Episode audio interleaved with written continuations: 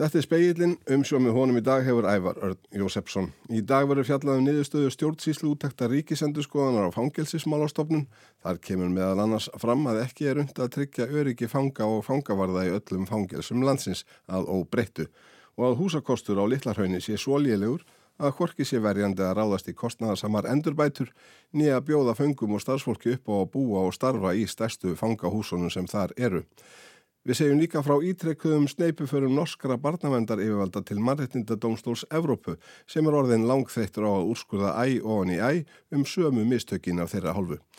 En við byrjum í söðurhuta gasasvæðisins, það sem Ísraðis er herti í dag sóksína gegn Hamas og íbúum nokkur að hverfa í borginni Kanjúnis hefur verið skipað að flýja söður á bóin. Frá því að vopnanhlið og gasa var rofið á föstudagsmorgun hafa árásir Ísraels manna verið linnulitlar á staði þar sem talið er að liðsmenn Hamas samtakana og annara vopnaðara sveita palestinumanna haldi sig. Hernaðar aðgerðirnar er bendust til að byrja með aðalega að norður hlutasvæðisins. Almennir borgarar hafa fengið fyrirmæli um að flýja en sunnar viljiðir halda lífi. Til þess að koma bóðum til íbúana um að flýja er skilabóðum dreift á samfélagsmiðlum og einnig á dreifimiðum með svo nefndum QR-kóða. Hann á fólk að skanna með síma til að fá upplýsingar um hvert að eigi að flýja. Sari Bassi, fagstjóri hjá mannrittindavaktinni Human Rights Watch, hefur sitt hvað við þá aðferð að aðtúa. The Israeli military put on social media QR codes inviting people who don't have electricity or internet to somehow scan a barcode to see where they're supposed to go. Ísraels herr byrtir kóða á samfélagsmiðlum sem fólk á að skanna til að fá að vita hvert það á að fara. Fólk sem hefur korki í rafamagn í néttengingu, sagði Bassi. Hún sagði að með ólíkjundum væri að fólk væri rekjað á flotta þegar engin örugur staður væri lengur á gasasvæðinu.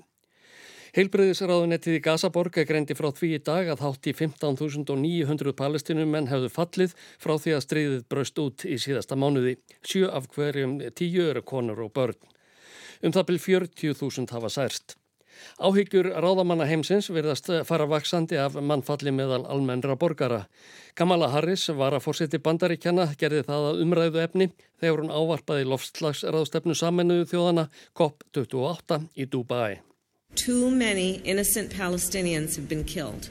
Frankly, the scale of civilian suffering and the images and videos coming from Gaza are devastating. Of margir saklausir palestinumenn hafa fallið. Í hreinskilni sagt er það átakanlegt að sjá þjáningar þeirra á myndum og myndskeiðum sem hafa byrst, sagði Harris. Hún tók fram að Ísraelsmenn hefðu rétt á að verja hendur sínar ef á þá væri ráðist en það væri ófrávíkjanlega krafa sín og bætans forsetta að farið væri að alþjóðalögum. Starfsfólk Evrópska sjúkrahúsins í Khan Yunis, næst störstu borga gasasvæðisins, leggur nótt við dag við að hlúa að særðum og sjúkum sem þangað eru fluttir. Franski bæklunar skurðlagnirinn Paul Ley starfar þar á vegum Rauðakrossins. Hann segir að eh, meðan á vopnanliðinu stóð í síðustu viku hafi margir komið þangað sem særðust í norðurhlutanum og bæst við þá sem fyrir voru. Fyrir vikið væri álægið orðið yfir þyrmandi. For my specialty, we have now over 360 patients on an operating list. Á mínu sviði býða yfir 360 sjúklingar eftir því að komast í aðgerð, saði Pól Ley í viðtali við Breska ríkisútvarpið. Þetta sagðana væri meiri fjöldi en við yrði ráðið. Það sem verra er, sagðan, er að það bætast sífælt fleiri í hópin. Skortur er á deyfingar og verkjalifjum þannig að minka hefur þurfti skamtana sem sjúklingum eru gefnir. Flestir segir hann að hafi særst af höggsprengjum eða fengið í sig sprengjubróð. Leið segir að sjúkrahúsið sé tróðfullt af fólki. Auk starfsfólk og sjúklinga er þar fólk sem hefur flúið hernaðar aðgerðirnar og einnig ættingjar þeirra sem hafa verið lagðir inn. Starfsfólki segir hann að hafi ekki komist frá sjúkrahúsinu. Þegar það er ekki að starfum, kvílistað eða sefur innan um alla hina, margir í plasttjöldum á sjúkrahúslóðinni. Pól Ley segir að starfsfólkið sé úrvinda. It is. It is exhausted physically but also mentally. Það er útkert líkamlega en einnig andlega, segir hann. Margir þjást af áfallastreituröskun og ofan að þetta bætist að sjúklingafjöldin er slíkur að ekki er hægt að sinna öllum. We're selecting patients which we deem uh, we, we have more benefit from, from them and, and for others very little to offer. Við veljum sjúklinga sem okkur sínist að hafi gagn af því að gangast undir aðgerð. Fyrir hina höfum við mjög lítið að bjóða, segir Pól Ley, bæklunar skurlagnir í Khan Júnis. Áskeið Tómarsson tók saman.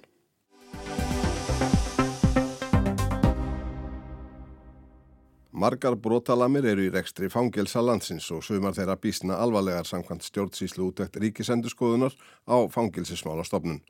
Alvarlegustu aðtjóðsendirnar lúta að óbáðlegu ástandi húsnæðis á Littlarhaunni, ónógu öryggi fanga og fangavarða vegna manneklu, skorti á helbriðistjónustu og meðferðarúræðin fyrir fanga, skorti á aðstöðu til að halda hópum fanga með ólíkan bakgrunn og vandamál aðskildum og þeirri staðrind að ekkert kvennafangilsi er ekki hér á landi að óglemdri fjármögnun stofnunarinnar sem ekki sé öldungis í takt við fjárþörfina. Pál Vinkel, fangilsismálastjóri, fagnar skíslunni og segir fátt í henni koma á óvart. Í skíslunni kemur skýrt fram að refsingar hafa á síðustu 20 árum þingstum 75% og sama tíma er búið að skera niður í tvo áratíði hjá stofnunni glæpum fjölgar, eh, refsingar þingjast og skipuleg glæpasta sem hefur komin inn í, í, í okkar kerfi. Það er að segja sér sjálf að eitthvað, eitthvað gefur eftir á endanum og skíslan er sumrið þetta upp og þetta er kærkomin tækifæri fyrir stjórnvöld til þess bara að hafa þennan tjekklista bara hvernig við getum bætt okkar umhverju. Hefur þú trúið því að, að það veri gert? Ég hef fulla trú á því og, og ráþeira, dómsmálráþeira hefur sínt þessu skilningu og er að byggja nýtt fangilsi og, og ríkistjónin og, og það þarf svo bara aukið fjármæk til þess að tryggja öryggi starfsfólks og fanga og mitt starfsfólk þarf að vera í þannig vinnuumhverju að, að því líði vel og standi ekki ógnað umhverjuna. Þrátt verið tilkomi fangilsisins á Holmseiði hefur það fæst í aukana að fangilsis refsingar fyrtnist vegna þess að ekki hefur tekist að bóða fanga til afplánunar innan fyrtingafrests. 275 dómar fyrndust á árunum 2012 til 2022 þar af fjórir kynferðisbrotadómar og 31 dómar vegna ofbeldisbrota auk þess sem nýju sakveldir menn voru náðaðir þar sem ekki tókst að katta þá inn til afplánunar. Þótt fangaklefar séu ekki full nýttir en nýting fór niður undir 70% á síðustu árum og aldrei yfir 88%. Ástæðan er einföld, segir Pall þegar refsingar þingja svona gríðarlega eins og hefur átt sér stað síðustu áratíi og, og plássum fjölgar mjög lítið á sama tíma og öðrum úrræðum e, og við getum ekki nýtt eh, afplánúrræði vegna peningaleisis 100% að þá auðvitað bara sapnast upp halli og það er það sem búið að gera síðustu ár og var, var lungu fyrir síðan. Launakostnaður er um 75% af kostnaði við rekstur fangelsanna.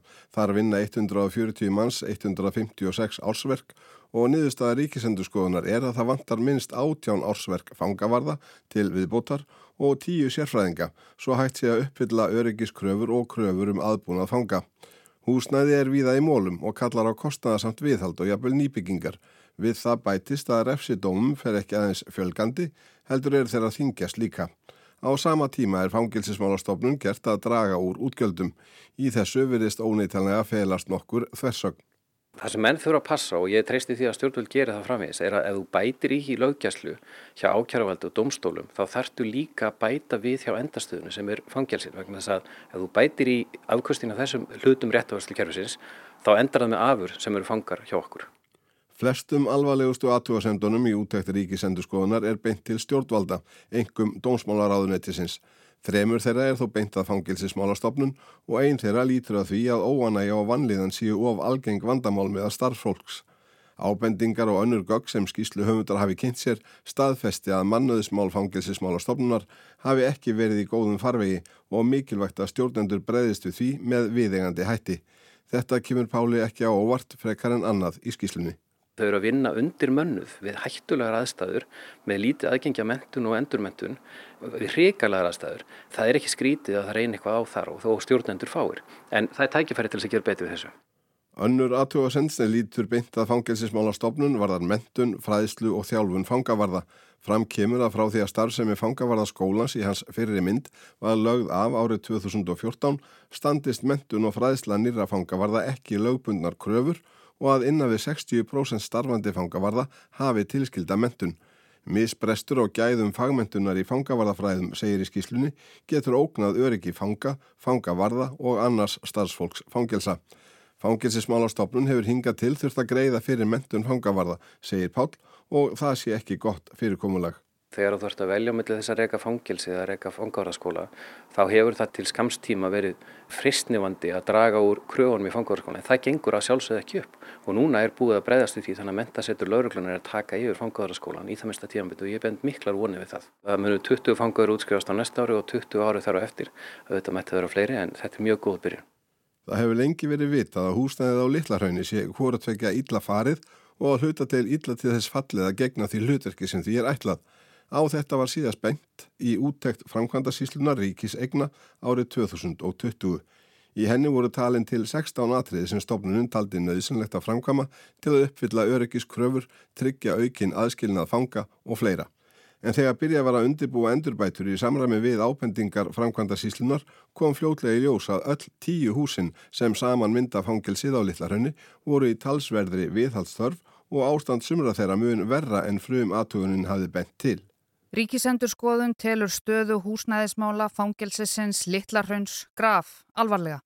Tryggja þar föngum og starfsfólki í fangilsinu Littlarhönni mannsæmandi aðstöðu sem samræmist sjónarmiðum um öryggi og almenna hilsuvernd.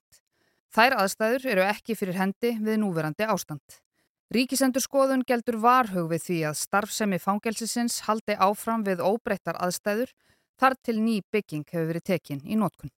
Sínu verst var ástandið á aðal fanga álmunum tveimur sem hísan er alla fanga á Littlarhönni og hvergi verra en í þeirri stærri, húsi fjögur, stærstu byggingu fangilsisins sem tekið væri notkun árið 1995. Það er ástandi svo slæmt, engum vegna rakaskemda, að það er að líkindum nú þegar orðið helsuspillandi. Dómsmólar á þeirra hefur búið að að nýtt fangelsi eigi að rýsa í stað þess sem fyrir er, ekki setna en í desember 2028. Í úttækt ríkisendurskoðunar kemur fram að undirbúningu þeirra framkvæmda sé enn á frum stígi og framkvæmdasíslan búin að senda dómsmálaráðuneytinu fyrstu drög að tímalínu verkefnisins. Ekki sé ljóst hvort afplónuna rýmum verði fjölgað en stemt að þarfa greiningu þar að lútandi. Fjögur ár eru eftirvill ekki langur tími til að byggja heilt fangelsi en það er langur tími til að býða eftir nýju fangelsi þegar það gamla er halv ónýtt. Speillin spurði Pál hvernig þetta bil verður brúað. Það sem þarf að gera á meðan er að fara í endurbætur á húsnæðinu sem er til staðar nú þegar og framkvæmdansíslan ríkisegnir er með það verkefni ásamt því að byggja nýtt fangilsi. Þau geta svara betur fyrir það hvernig það verður gert en, en það eru áallarnar og það er mikilvægt að geta reykið þetta fangilsi áfram út tíman því að álega er nóg. Framkoma áallahu viðgerðarkostnaður á núverandi húsnæði fangilsins væri um 4,7 miljardar eða alltaf 75% af kostnaði við að byggja nýtt fangilsi með 87 fangarimum, jafn mörgum og nú eru á litlarhönni. Og Páll er ekki í neinu vafa um að nýbygging sé betri kostur en endur bætur á þeim sem fyrir eru. Sko málið var bara að þetta var aldrei hanna sem fangilsi, þetta var upphálega sjúkra og svo búið að bæta við byggingum, það var aldrei farið í heildarstefnumótin, það var aldrei unnið faglega í tengslu við þessu uppbyggingu. Frábær starfsfólk, góður andi ofta á tíðum, en húsnæði vinnur bara ekki með okkur og við verðum bara að byggja nýtt fangilsi eins og stendur til að gera. Og brínustu verkefnin í millitíðinni liggja líka ljós fyrir, segi Páll. Það þarf að tryggja öryggi starfsmanna og fanga til að byrja með og það er gert með því að fjölga fangaverðum og bæta aðbúnað í fangilsónum. Það þarf jafnframt að fjölga sérfræðingu til þess að draga úr líkum á áframhaldi afbrotum þeirra sem eru inni og svo þarf að gera það sem nákvæmlega verið að gera, byggja nýtt fangilsi, loka litlarinni og meta hversu mikið fjármagn fangilsmálstofnun þarf til þess að geta rekið sig með góðum og faglegum hætti sagði Pál Vinkel fangelsismála stjóri. Speilin mun halda áfram að fjalla um fangelsismál í vikunni meðal annars um þá staðarind að engin sérstök vistunar úræðis séu til staðar hér á landi fyrir konur sem dæmdar eru til fangelsisvistar og að þær hafað auki takmarkara aðgengiða störfum og hverskins endurhafingar úræðum en karlar sem ríkisendurskoðun segir óásættanlegt.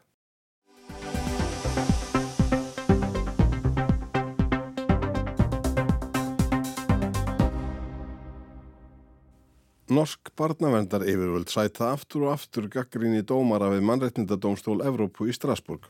Norrmenninni þykja ósveigjanlegir í tólkun laga um réttindi barna, foreldrar fá ekki áhirt með klögumál sín og evrópsku dómaratnir orðnir langt þreyttir á að úrskurða aftur og aftur um sömu mistökin.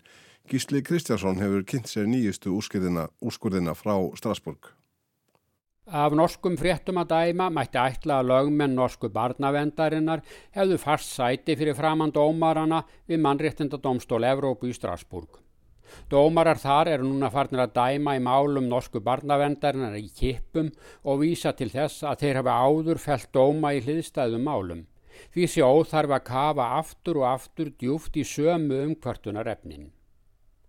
Og kærurnar fjalla oftast um rétt foreldra til umgengni við börn eftir að úrskurða hefur verið um forræði. Og um svo kallaða nauðungar ætleðingar þar sem foreldri hefur mist forræði þegar við fæðingu barns og það er ætleitt. Þetta eru talin brot á rétti fólks til fjölskyldulífs. Núna í september í haust sendi dómurinn tvísvar frá sér sameiginlega dóma í mörgum málum. Fyrst nýjum mál sem höfðu sapnast upp á síðustu sex árum. Þar var um að ræða kvartanir út af nauðungarætlæðingu og sviftingu forræðis. Í sjö af þessum nýju tilvikum var Norska ríki dæmt til að greiða 25.000 eurur í miskabætur vegna brota á mannréttindum. Það er að rétturinn til fjölskyldulífs hafi ekki verið virtur af barnavendinni. Þetta eru tæpar fjórar miljónir íslenskar króna. Síðar núna í september komur svo úrskurðir í tólum málum til viðbótar. Þau vörðuðu börn sem hafðu verið sett í fóstur gegn vilja foreldrana.